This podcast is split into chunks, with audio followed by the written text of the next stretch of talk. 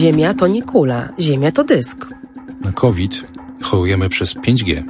Szczepionki zawierają mikrochip kontrolowany przez korporację Billa Gatesa.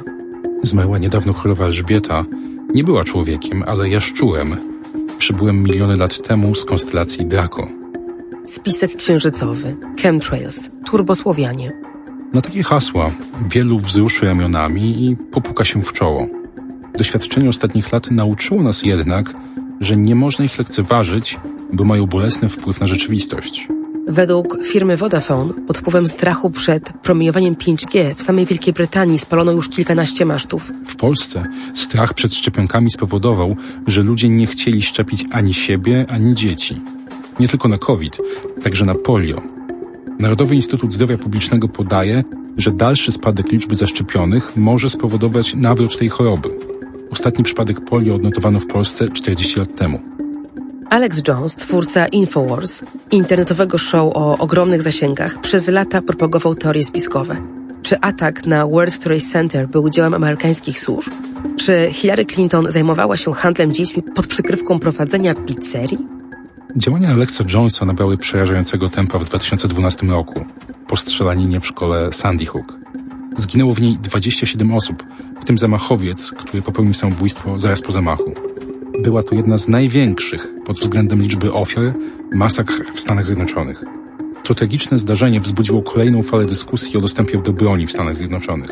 Rzecznik Praw Dziecka w Connecticut wydał opinię, w której podkreślał, że jedną z bezpośrednich przyczyn strzelaniny był właśnie łatwy dostęp do broni. Jones, jako zwolennik powszechnego użycia broni w Ameryce, poczuł się wywołany do odpowiedzi. Przez lata powtarzał, że ta strzelanina była inscenizacją, którą zlecił rząd, żeby odebrać wolność Amerykanom, a jej rzekomo ofiary to byli tylko aktorzy.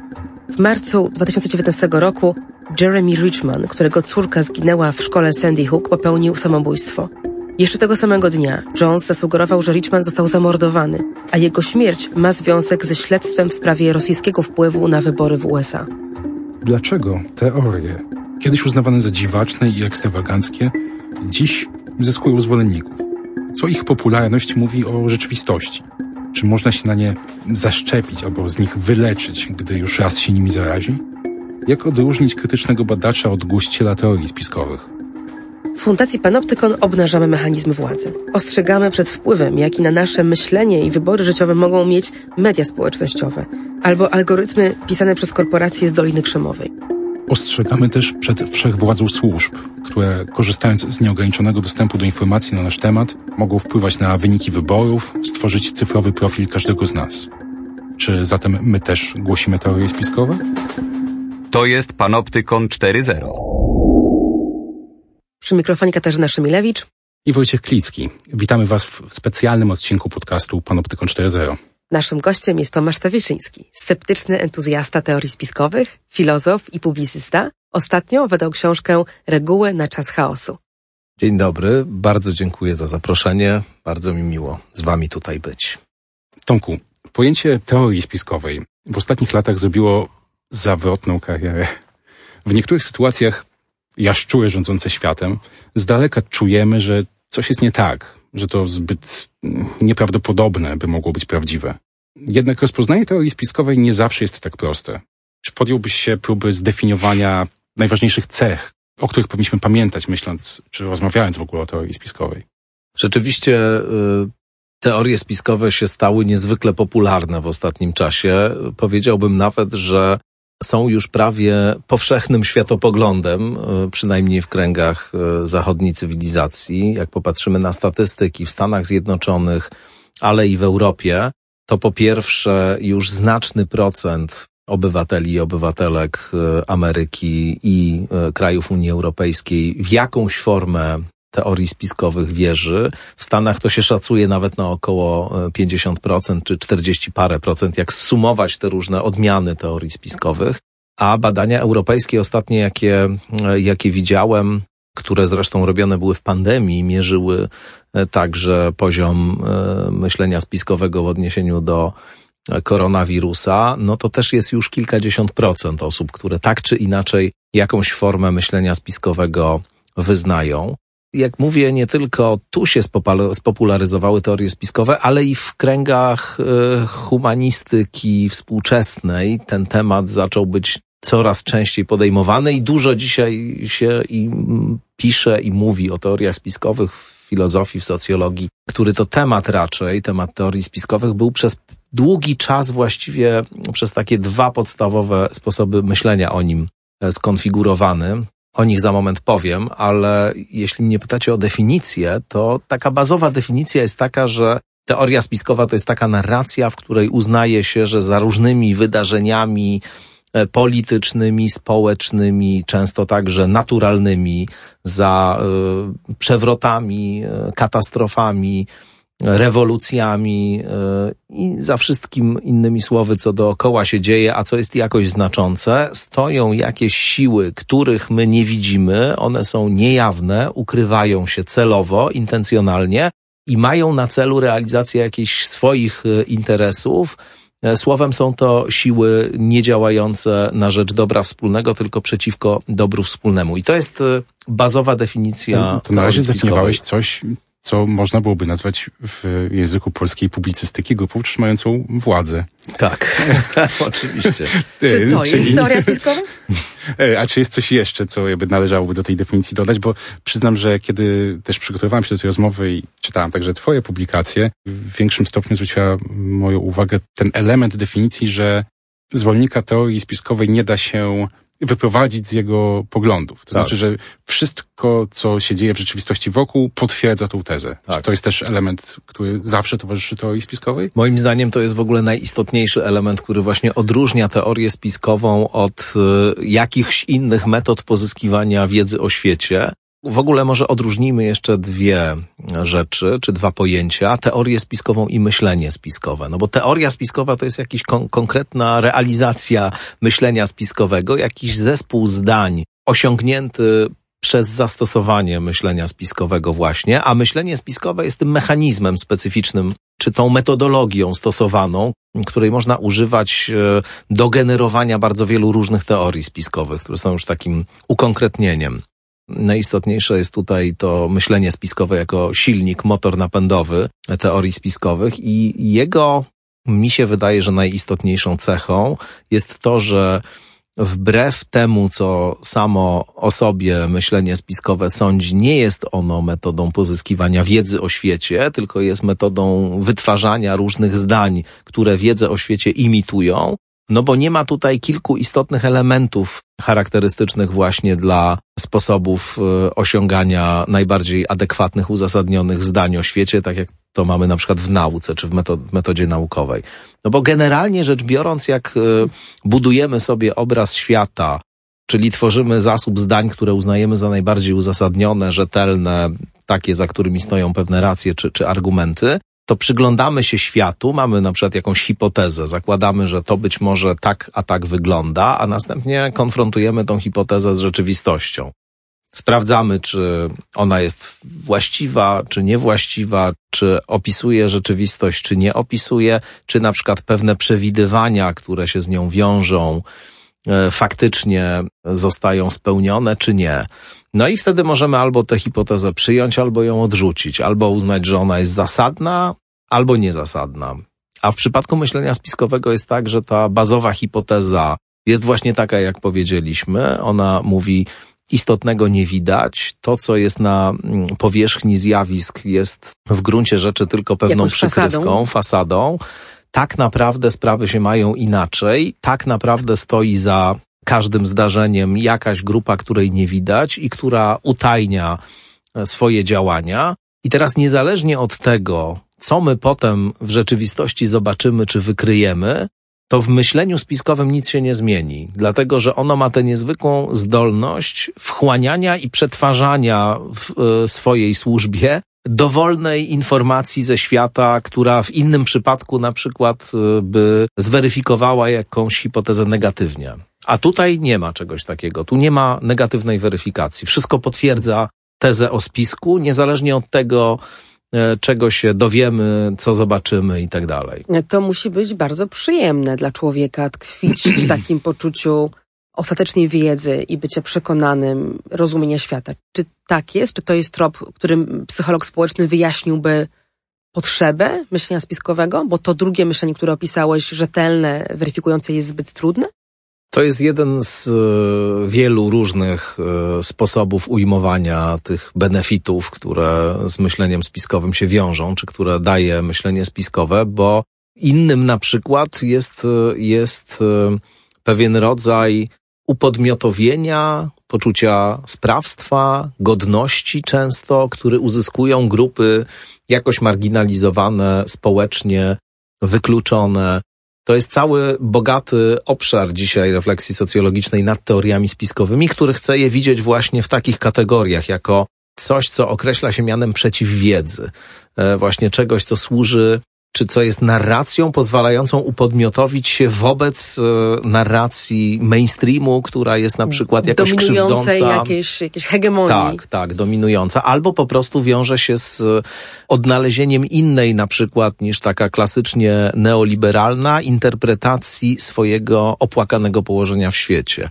No bo w duchu takiej neoliberalnej e, opowieści to jak ktoś jest biedny i, i nie wiem, nie ma pieniędzy, nie ma dostępu do jakichś dóbr, to po prostu nie wypracował sobie tego, był leniwy, nie chciało mu się, etc., etc. I jeśli taka narracja jest rzeczywiście dominująca, no to może być jeszcze dodatkowym brzemieniem dla kogoś, kto ze wszystkich sił na przykład próbuje e, uczciwie i ciężko pracować, a nie przynosi to żadnych skutków, e, korzyści w świecie, w którym dominuje opowieść, że jak się uczciwie pracuje, to się ma pieniądze. No, ktoś może uczciwie pracować i ich nie mieć, i wtedy sięgnie po taką opowieść, która zlikwiduje mu ten dysonans, różnicę pomiędzy tym, co mu się zewsząd mówi, a jego własnym położeniem. I ona wtedy powie mu, słuchaj, tak naprawdę to w ogóle nie o to chodzi, bo rzeczywiście nie o to chodzi wcale, jak wiemy. Da mu ukojenie pewne, Tak, tak? tak. Ciekawe, bo to mi się skojarzyło z przykładami myślenia magicznego albo religijnego z przeszłości, kiedy człowiek do, doświadczał tragedii osobistej, choroby, straty dziecka, wojny i też tłumaczył sobie to tym, że Bóg tak chciał, albo klątwa, albo czary. Jasne. Ja myślę, że w ogóle... Może to jest po prostu bardzo stary mechanizm, do, do, do tego zmierzam, Na który pewno. nie jest reakcją na nowe warunki życia, tylko był z nami zawsze, a teraz mamy to rozklejenie jeszcze większe, bo ta choroba, ten pomór, ta tragedia, ona jest jeszcze mniej namacalna, Mm. prawda? My żyjemy w świecie bardzo złożonym, które jest chaosem, nie rozumiemy jego logiki, a cierpimy w nim, więc może tym bardziej potrzebujemy jakiegoś meta wyjaśnienia, skąd to nasze cierpienie. No ja mam w ogóle taką tezę i ją tam w różnych swoich książkach i tekstach rozwijam, że teorie spiskowe to są nowe wielkie narracje. To są takie właśnie opowieści, które zniknęły w pewnym momencie i, i wraz z wycofaniem się Jak mity. jak mity, tak, jak mity, jak, jak opowieści religijne, które w każdym razie to miały do siebie, że nadawały e, światu pewien całościowy sens i pozwalały człowiekowi jakoś opisać i włączyć w jakąś symboliczną strukturę swoje położenie w świecie, e, swoje cierpienie, swój dyskomfort, e, etc. I dzisiaj to robią często teorie spiskowe, to znaczy pozwalają tą niezrozumiałą, niepewną i pod wieloma względami brutalną i niesprawiedliwą rzeczywistość opisać w taki sposób i swoje w niej położenie, rzecz jasna, i swoje doświadczenie na przykład, nie wiem, krzywdy albo, albo wykluczenia właśnie, choć nie zawsze, bo pamiętajmy, że to nie jest tak, że tylko osoby, nie wiem, z grup marginalizowanych, czy osoby o, o trudnej sytuacji społecznej wyznają teorie spiskowe. Jest bardzo wielu e, dobrze sytuowanych przedstawicieli klasy średniej, którzy też e, sięgają po tego typu, po tego Czyli typu to nie opowieści. jest religia tylko dla ubogich. Nie, nie, absolutnie. Ale ma to pewne elementy właśnie związane z tym, że, że daje bardzo spójny e, opis e, świata i swojej sytuacji w świecie i też e, daje poczucie pewnej podmiotowości i sprawstwa paradoksalnego w świecie, w którym sprawstwa nam bardzo brakuje, bo, bo nawet jeśli ja nie jestem w stanie z rządem światowym nic zrobić, nawet jeśli cierpię przez jego machinacje i jeśli nic nie mogę temu przeciwstawić, no nie wiem, nie obalę go ani, ani nie, nie pokrzyżuję mu planów, to przynajmniej mogę wysłać komunikat. Ja wiem. Wiem, widzę was. Tak, Mhm. widzę was, patrzę wam na ręce. Także mnie w to nie, możecie tutaj innych w to wszystko wciągać, ale mnie nie wciągniecie na pewno. I myślę, że to daje duże poczucie i podmiotowości, i sprawstwa, i, i to jest właśnie taki towar deficytowy dzisiaj, więc, więc to się staje dodatkowo atrakcyjne. Jeszcze wróciłabym do zestawienia, które wprowadziłeś e, w ramach definiowania myślenie rzetelne, naukowe, myślenie badacza, bardzo nam bliskie, bo w Panoptykonie w sumie też zaczęliśmy dokładnie od tego, od kontestowania tej hegemonicznej narracji i szukania innego sposobu opisu świata, a myślenia spiskowego. Jeżeli człowiek żyjący w internecie de facto, karmiony informacjami, które dla niego wybierają algorytmy, algorytmy, za którymi stoi konkretny komercyjny cel i które, jak wiemy, mamy na to mnóstwo danych i w tym podcaście często o tym mówimy, wybierają te informacje z klucza zaangażowania, czyli pobudzenia emocjonalnego kosztem polaryzacji na przykład, albo siania dezinformacji, czy podbijania rzeczy nierzetelnych. Więc człowiek, który dostaje tę papkę, gdyby nawet chciał myśleć naukowo i weryfikować, ale widzi to, co widzi w internecie, czy to nie jest tak, że to ten mechanizm również podkręca zasięgi teorii spiskowych i że człowiek ma prawo sądzić, że on zweryfikował, bo on poszedł do internetu, on zadał te pytania, które zadał, sprawdził i dostał potwierdzenie swojego myślenia. Na pewno to jest e, coś, co się przyczynia do propagowania się teorii spiskowych i ich popularność e, w tej ostatniej dekadzie, czyli w czasie rozwoju mediów społecznościowych, bardzo wzrosła. Jest e, internet siedliskiem najprzedziwniejszych koncepcji, najbardziej egzotycznych, jakby się wydawało, ale znajdujących nieustannie różnych swoich adherentów. Ja w ogóle y, rzeczywiście kiedyś już te, teraz trochę mniej, ale kiedyś bardzo dużo się przekopywałem przez różne takie blogi, strony i niektóre są fascynujące zupełnie. E, polecam, nie wiem czy mogę polecić. nie, nie będę Śmiało. polecał, bo potem jeszcze ktoś nas będzie słuchał, kto będzie uważał, że to wszystko jest prawda. Ale, ale zaczęliśmy od ale... przykładu, więc możesz jeszcze jakiś dorzucić. nie, nie, no kiedyś się wczytywałem w twórczość takiego nieżyjącego już e, blogera, mm, naszego krajana skądinąd, e, mieszkającego w Buffalo w Stanach. Kenta De Davida Będkowskiego, który prowadził taką stronę takiego bloga Controversy Papers, no i to był taki wzorcowy, pamiętam, że kiedyś z, z profesorem Mikołajko żeśmy o nim rozmawiali w kontekście teorii spiskowych właśnie, bo on był takim super wzorcowym producentem niesamowicie spójnych, takich spiskowych narracji właśnie. Pamiętam jego brawurowo, brawurowy tekst dotyczący e, Stanleya Kubricka i śmierci Stanleya Kubricka, która jego zdaniem była mordem rytualnym przez Illuminati zorganizowanym za zdradę ideał, na za zdradę sekretów e, Illuminati, której Kubrick dokonał w filmie Oczy szeroko zamknięte. No i Będkowski wyliczył, że od 1 stycznia 2001 roku, czyli od daty jakby inicjalnej dla filmu Odyseja Kosmiczna 2001, najsłynniejszego dzieła, dzieła Kubricka, e, od, te, od tej daty do jego śmierci e, mija równo 666 dni. Nieprzypadkowe. No. To nie mogło być to przypadkowe. Był, to był sygnał. Absolutnie. Jeszcze na chwilę chciałbym wrócić do tych technologii, bo z jednej mm. strony Katarzyna przed chwilą mówiła o tym wątku tego, że algorytmy podbijają treści, które no, na przykład potwierdzają teorie spiskowe. Natomiast czy nie widzisz jeszcze drugiego aspektu, znaczy tego, że zwolennicy teorii spiskowych dzięki niemu, internetowi, mogą się nawzajem zobaczyć. Mm -hmm. Czy to też nie jest coś, co ich Absolutnie. napędza?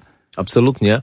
Jeszcze jedną rzecz bym, bym tutaj dodał, zanim do tego wątku dojdziemy, bo on mi się wydaje w ogóle też bardzo, bardzo ciekawy i ważny. Ten element wspólnotowości pewnej w tym. tym przynależności wreszcie do czegoś przynależności, w tym Tak. Bo, bo tu oczywiście są te mechanizmy, że po pierwsze w internecie jest wszystko, po drugie w internecie e, informacje rzetelne często giną, e, a nierzetelne wyglądają jakby były rzetelne. To znaczy można trafić na bardzo wiele stron, których będą autorytety, ludzie z tytułami zaprezentowani i oni będą się wypowiadali i głosili najbardziej egzotyczne, dziwne teorie spiskowe. Każda z nich ma swoich kapłanów, Oczywiście. swoich akademików, profesorów. Absolutnie. Na, na każdą teorię spiskową jest jakiś profesor, który ją e, wyznaje i który głosi mm, jakiś jej, jej wariant. I rzeczywiście, mm, no, czasami po prostu zwyczajnie trudno jest odróżnić, czy mamy do czynienia z informacją rzetelną, czy nie. Trzeba wykonać pewien wysiłek, żeby to sprawdzić, a to już jest y, rzecz często mm, i skomplikowana, i czasochłonna, więc to jest po prostu związane z tym, jak ten krajobraz wygląda. Na pewno jest ten element algorytmiczny, który polega na tym, że w momencie, kiedy zaczniesz wyszukiwać teorie spiskowe, i obejrzysz jeden, drugi, trzeci materiał, to natychmiast e, właściwie tylko to ci się zaczyna wyświetlać e, w propozycjach. Ja to wiem bardzo dobrze, bo właśnie ja dużo tym się zajmuję i śledzę różne i kanały, i publikacje na ten temat. Doświadczasz bycia wciąganym do króliczych tak, nóg. Tak, tak. I później widzę, że wyłącznie pojawiają mi się tego typu sugestie, tego typu rekomendacje. Jak otwieram YouTube'a, no to mam po prostu całą litanie jakichś naj, najdziwniejszych e, teorii spiskowych i różnych koncepcji osobliwych. Więc to jest też coś takiego, ale myślę, że chyba głębiej źródło leży tego zjawiska. Ono leży gdzieś w jakimś rozpadzie wspólnej epistemologii, wspólnej ontologii, myślę w utracie świadomości istnienia świata, jednego świata, do którego przy pomocy pewnych wypracowanych w historii ludzkości narzędzi my umiemy docierać i jesteśmy w stanie budować e, jakiś uwspólniony jego opis. I mamy pewne środki do tego, żeby ten opis budować, i mamy pewnych delegatów do tego zadania, w postaci ludzi pracujących w pewnych instytucjach, które mają służyć akumulacji wiedzy i tworzeniu maksymalnie adekwatnego obrazu świata. I to się po prostu załamało w ostatnim czasie. Ta świadomość istnienia pewnej wspólnoty epistemologicznej właśnie, wspólnych środków poznania, wspólnych zasobów, wspólnego języka, którym, którym mówimy i właśnie pewnego wspólnego obrazu świata. Dziś każdy robi swój własny research E, i w zasadzie w dobrym tonie jest robić swój własny research, a nie polegać na tym, co mówią tak zwani eksperci, bo oni, im się już nie wierzy, oni są uznawani za e, ludzi realizujących jakieś e, ciemne interesy, za agendę nie wiadomo kogo, etc. I, I mi się wydaje, że to jest jakby najbardziej poważne źródło tego kryzysu epistemologicznego, w którym tkwimy, a teorie spiskowe są jego przejawem czy, czy, czy jakimś objawem właśnie. Mhm. I jeszcze drugim elementem tego jest już właśnie ta specyficzna własność teorii spiskowych, że one się reprodukują w głowie, e, te struktury memetyczne, w znaczeniu memu, jak mówił Richard Dawkins, czyli taki kwant informacji. Te struktury informacyjne zasiedlają umysł i reprodukują się w nimi, kolonizują go tak jak wirusy kolonizują i reprodukują się w ludzkim ciele. Chciałem do tego pierwszego z dwóch aspektów, czy dwóch elementów, o których mówiłeś, wrócić, bo nie jestem pewien, czy dobrze zrozumiałem. Mm -hmm. Bo powiedziałeś o jakby kryzysie tego, że są tacy ludzie, którzy byliby w stanie opisać rzeczywistość.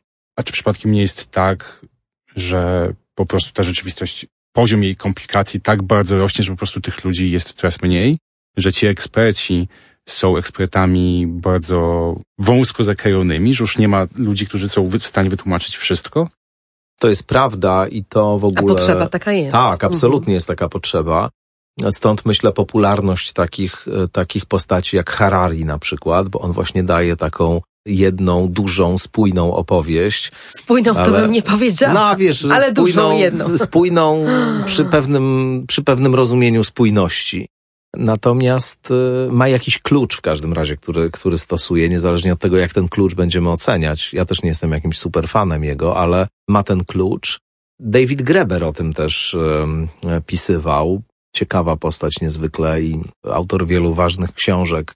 To jest właśnie dokładnie coś takiego, co ostatnio czytałem w tekście Kacpra Pobłockiego e, w Tygodniku Powszechnym, właśnie ostatniej książce Grebera, który był współautorem, że tam ta diagnoza podstawowa jest taka, że, że dzisiaj nauka się skrajnie pogrążyła w specjalizacjach, że ludzie właśnie mm, w takich subdyscyplinach subdyscyplin się specjalizują i że boją się budować e, i interdyscyplinarnych e, opowieści i, i w ogóle wykraczać poza to wąskie pole a że właśnie tego bardzo potrzebujemy, dlatego że jeśli tego się nie robi, no to jest cały szereg, właśnie to już nie jest teoria spiskowa, tylko fakty, takich podmiotów, które, które te, te, te, to pole to zagospodarują nas, i będą w stanie na tym dobrze jeszcze zarobić.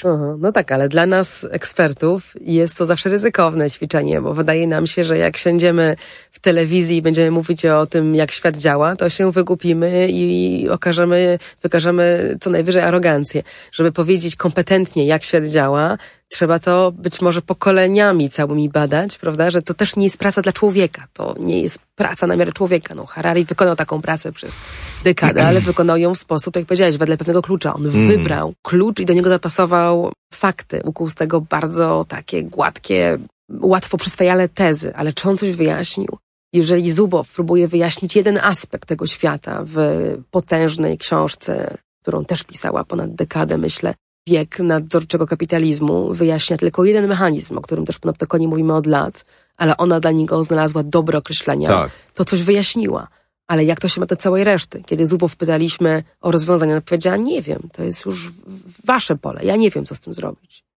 No, są takie próby, myślę, budowania takich opowieści, które nie, nie muszą polegać na tym, że świat zostanie w najdrobniejszych szczegółach właśnie opisany i wprzęgnięty w jakąś y, taką e, z wielkim oddechem poprowadzoną e, totalną, totalną opowieść, ale, ale myślę, że takie, takie próby szukania dziś tego, co jakoś uniwersalne, co, co jest jakimś zespołem wartości, które e, mogą być potencjalnie podstawą e, budowania wspólnoty, w której wszyscy się zmieścimy, niezależnie od różnych naszych, nie wiem, światopoglądowych, tożsamościowych różnic i tak dalej, że, że takie rzeczy powstają, nie, nie ma ich wiele, ale, ale że one mogłyby być, nie wiem czy panaceum, ale z pewnością mogłyby pomóc w tym kryzysie zaufania, bo, bo to ostatecznie jest kryzys zaufania, ta ekspansja teorii spiskowych i myślenia spiskowego, które daje iluzję dostępu do jakiejś sekretnej wiedzy, łączy się z wieloma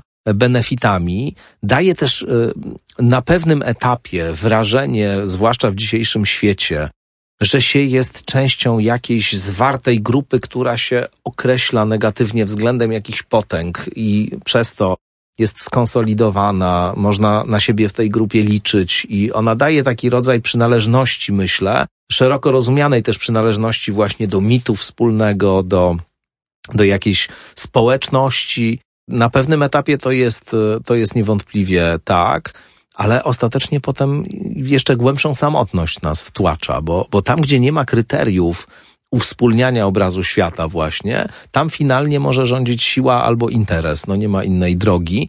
Jest taka, ja o tym pisałem w książce mm, Ucieczka od bezradności, taka dość poruszająca historia e, pewnej Amerykanki, która mm, była jedną z ikon ruchu płaskoziemców. Ona występuje w takim filmie Behind the Horizon, z całą subtelnością w polskim tłumaczeniu ten film nazywa się Płaskoziemcy po prostu.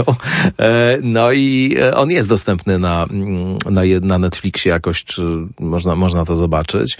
Bardzo ciekawy film, gdzie właśnie udało się twórcom, moim zdaniem, jakąś istotę tego, jaką pułapką jest myślenie spiskowe zaprezentować. Mianowicie ona no właśnie, była jedną z takich osób, które szybko zdobyły popularność w tych kręgach, najpierw bardzo wąskich, później zataczających coraz szersze kręgi społeczne.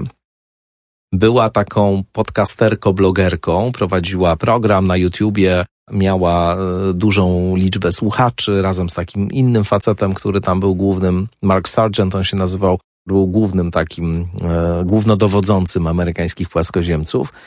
No i w momencie, kiedy ten, ten ruch się tak jakoś e, roz, rozwinął i już tam było bardzo dużo ludzi, no oni właśnie stanowili takie, e, taką z, zwartą społeczność, jeździli na różne konferencje, mieli tam wystąpienia, bardzo to jest e, egzotyczne i malownicze. W pewnym momencie ona z, z różnych powodów zaczęła być traktowana z wrogością w tych kręgach. E, Ktoś tam e, zaczął propagować tezę, że ona jest w gruncie rzeczy na usługach CIA, które próbuje infiltrować e, to środowisko, no bo oni przejrzeli te mistyfikacje i już wiedzą tam, dokładniej rzecz ujmując, że nad ziemią jak, jakaś wielka lampa wisi, to jest słońce i tam jak to dokładnie wygląda wszystko.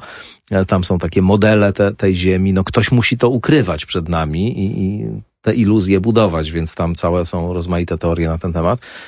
No i ona stała się nagle wrogiem numer jeden w tym środowisku i próbowała się bronić. Tłumaczyć, że nie, no przecież jak to? Przecież ona wcale nie jest żadną agentką, e, agentką CIA.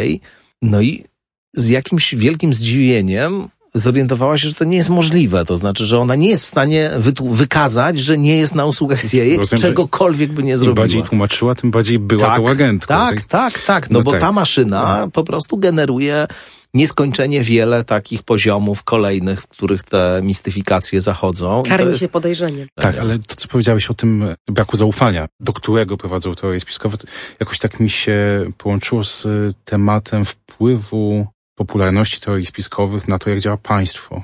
i polityka, bo dzisiaj obserwując politykę, można być absolutnie, czy można mieć taką obserwację, że po pierwsze teorie spiskowe to już jest po prostu codzienność, a po drugie, że państwo względem tych osób, które są tak od siebie oderwane, każdy jest podejrzliwy względem drugiego, ma bardzo ograniczone spektrum możliwości i w związku z tym ta polityka jest taka często siłowa, nie oparta na współpracy, tylko na, na pokazaniu tego, jak państwo może przemocowo niektóre rzeczy rozwiązać. Na rozgrywaniu tych grup Tak. wobec siebie. Tak. No, tu jeszcze jedną rzecz bym y, z metapoziomu dodał. O tym jeszcze nie powiedzieliśmy, a to jest dosyć istotne także dla tego, czym przecież wy się zajmujecie. Otóż istnieją przecież spiski. No niewątpliwie spiski istnieją. Istnieją tajne umowy, jakieś machinacje Istnieje grupa zakulisowe. trzymająca władzę? Tego nie wiem. Tego nie wiem, być może. Ja, to- nie, ja, nie wiem, mam na razie... Ale nie powiem. Nie zaprzeczamy, słuchajcie, No. nie zaprzeczamy. No nie mam w każdym razie wystarczającej liczby dowodów, y, żeby stwierdzić, że istnieje, ale oczywiście nie mogę tego wykluczyć. Natomiast to, że nie mogę tego wykluczyć, jeszcze nie oznacza, że muszę uznawać, że tak jest. A to się dzieje właśnie w myśleniu spiskowym.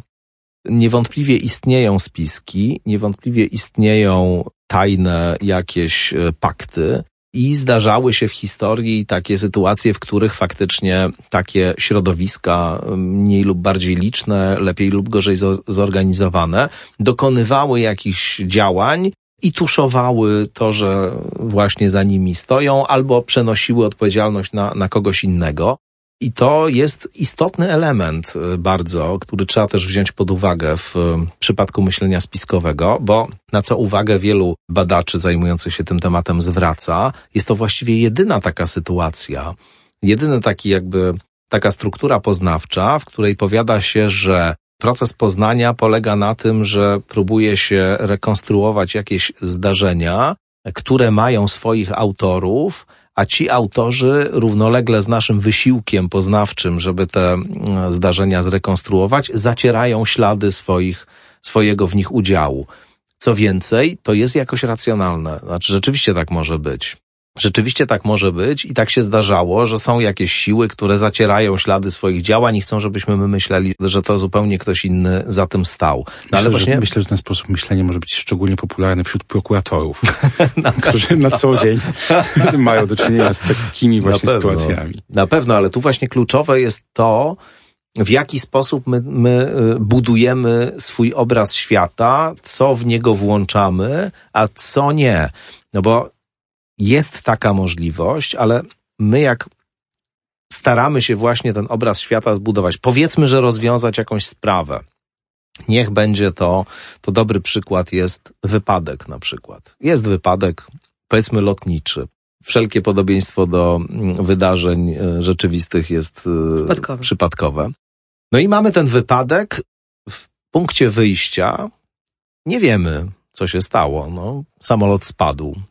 To jest jeden z błędów, moim zdaniem, które też popełniono u źródeł konfliktu e, Smoleń, o Smoleńsk w Polsce, że jak on spadł, to obie strony już od razu wiedziały, co się stało. Nikt już później nie musiał czekać na żadne ustalenia, ponieważ w punkcie wyjścia jedni uważali, że na 100% był to wypadek, drudzy, że na 100% był to zamach. Przy nie czym było jeszcze pola dla spotkania się tych hipotez. nie było w ogóle takiego punktu wyjścia, że my na razie nie wiemy, sprawdźmy, jesteśmy otwarci na różne możliwości, bo dzisiaj możemy powiedzieć, że dopóki nie ustalimy, jak to wyglądało, to w każdym razie jakieś prawdopodobieństwa stoją przy obu tych e, A skoro wersjach. wszelkie działania komisji były teatrem, to wtedy nastąpiło już to potwierdzanie, o którym Oczywiście. mówiłeś na przykładzie myślenia spiskowego. Absolutnie. Wszystko pasowało do jednej z teorii. Oczywiście.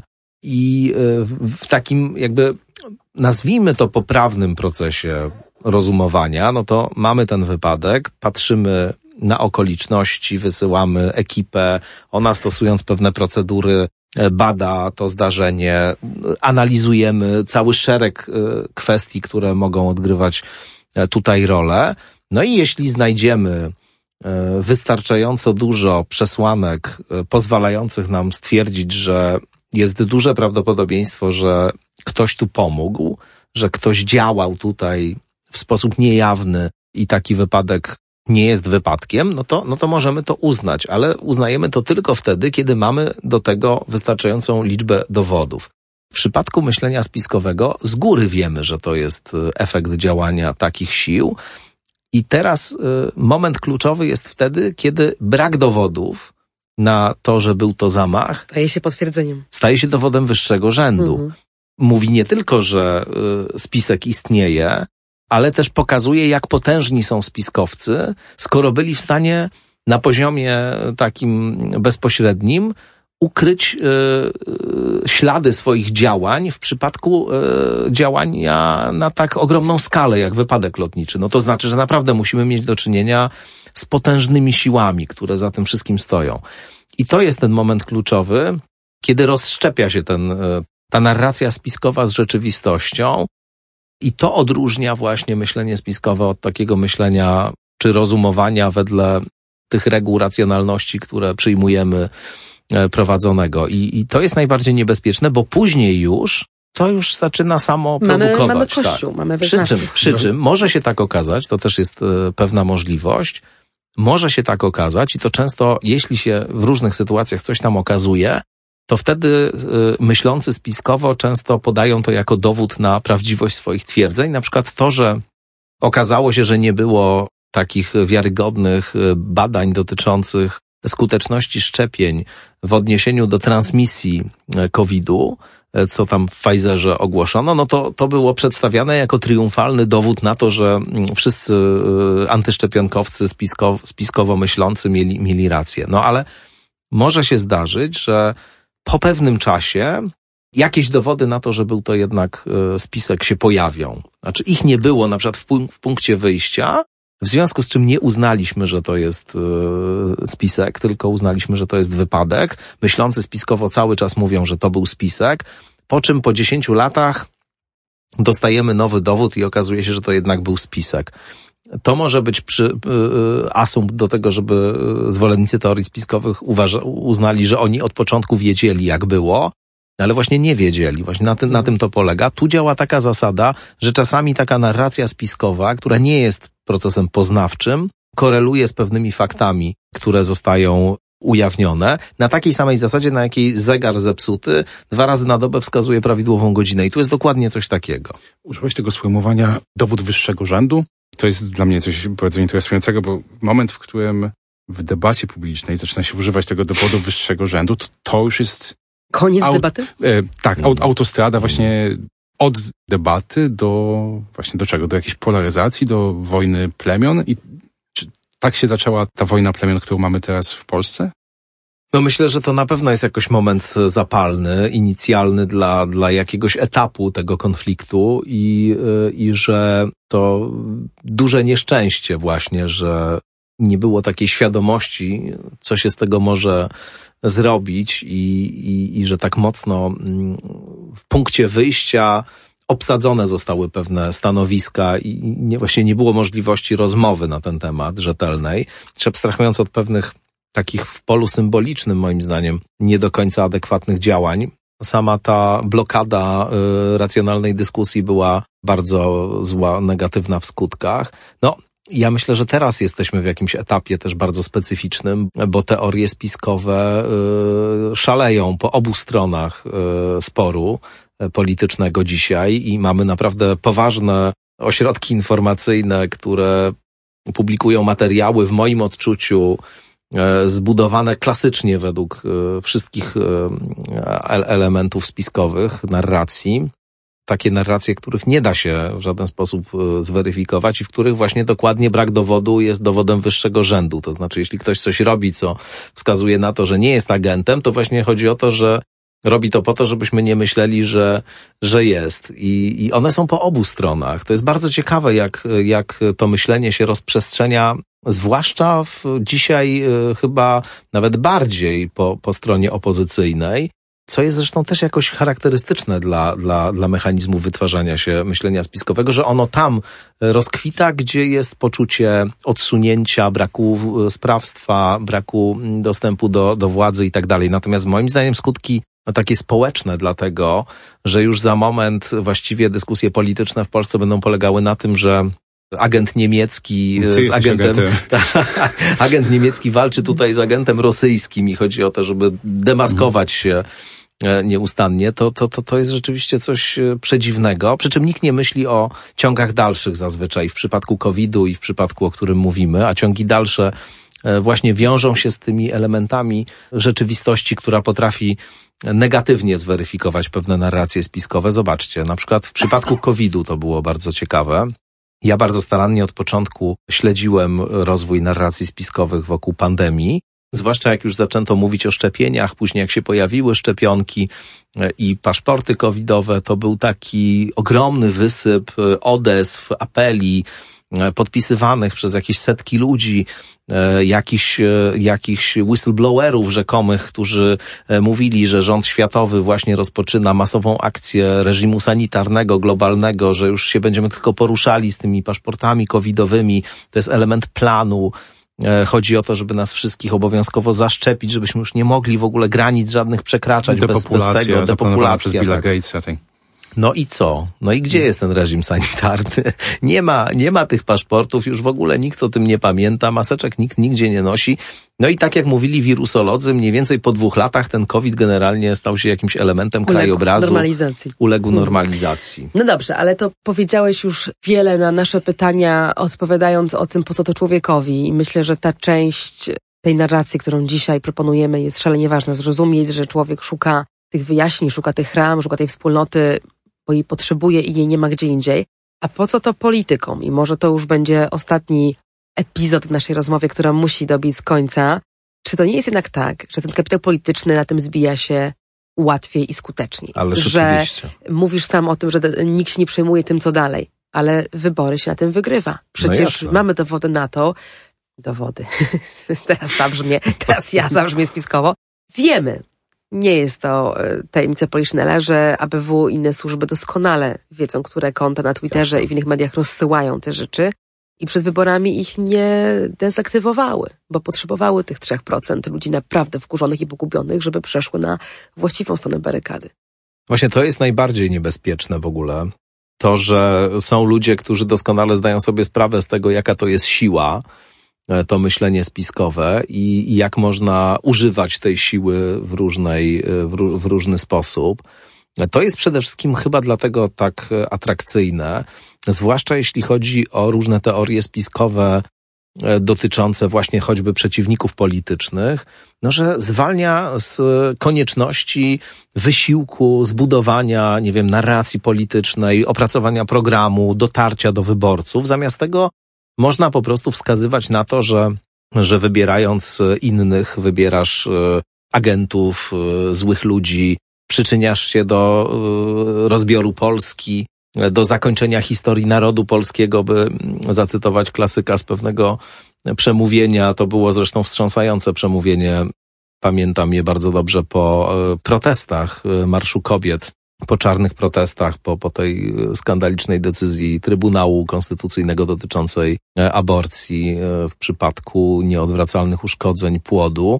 Pojawił się prezes Kaczyński w telewizji, dał taką klasycznie spiskową właśnie przemowę o tym, jak to jakieś siły zainteresowane zakończeniem historii narodu polskiego, tak powiedział, właśnie organizują tutaj jakieś, jakieś pucze, jakieś tego typu sytuacje. No, ni, ni, ni mniej, ni więcej, tylko wszystkie te mm, wzburzone, słusznie jakoś e, dotknięte tym i, i protestujące przeciwko temu kobiety właśnie w ten sposób zdefiniował i wskazał jako jakieś, e, jakieś, jakąś agendę, która tu próbuje nam rozmontować nasz, nasz świat. No było to w sumie moim zdaniem...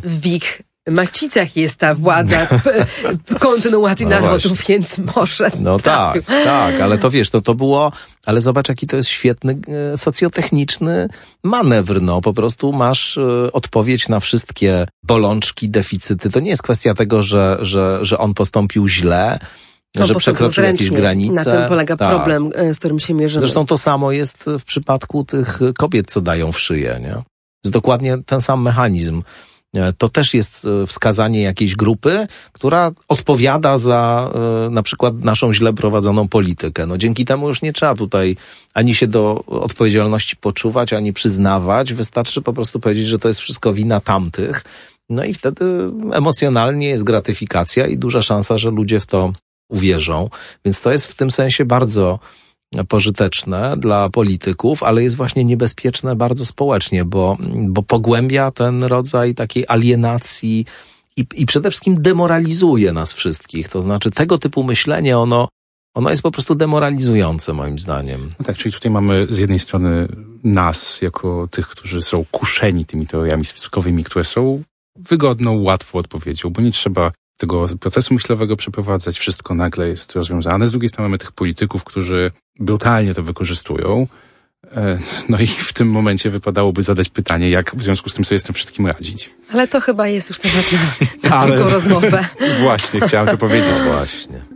Umówimy się na nią, myślę, w nowym roku, bo to jest y, strasznie ważna rzecz, żeby te taktyki oporu i krytycznego myślenia w sobie rozwijać. No, w Panoptykonie dokładnie ta misja nam od początku przyświecała. Jednym z naszych takich memento jest polityka strachu jako nasz wróg i opór wobec rozgrywania społeczeństwa wrogiem zewnętrznym czy wewnętrznym w naszym DNA jest krytyka tego podejścia, ale tak jak zilustrowałeś na przykładzie ostatnich lat, w Polsce ono ma się świetnie i naprawdę potrzebujemy znaleźć taktyki e, rozbijania tego wspólnie. Jest to olbrzymie zadanie, olbrzymia rozmowa, którą obiecujemy e, w podcaście i poza nim kontynuować. A tymczasem ogromnie Ci dziękujemy za przeprowadzenie Bardzo nas dziękuję. przez ten kawał Był to podcast Panoptykon 4.0 i żegnają się z Wami Katarzyna Szymilewicz i Wojciech Klicki a naszym gościem był Tomasz Stawiszyński. Bardzo dziękuję raz jeszcze. Panoptykon 4.0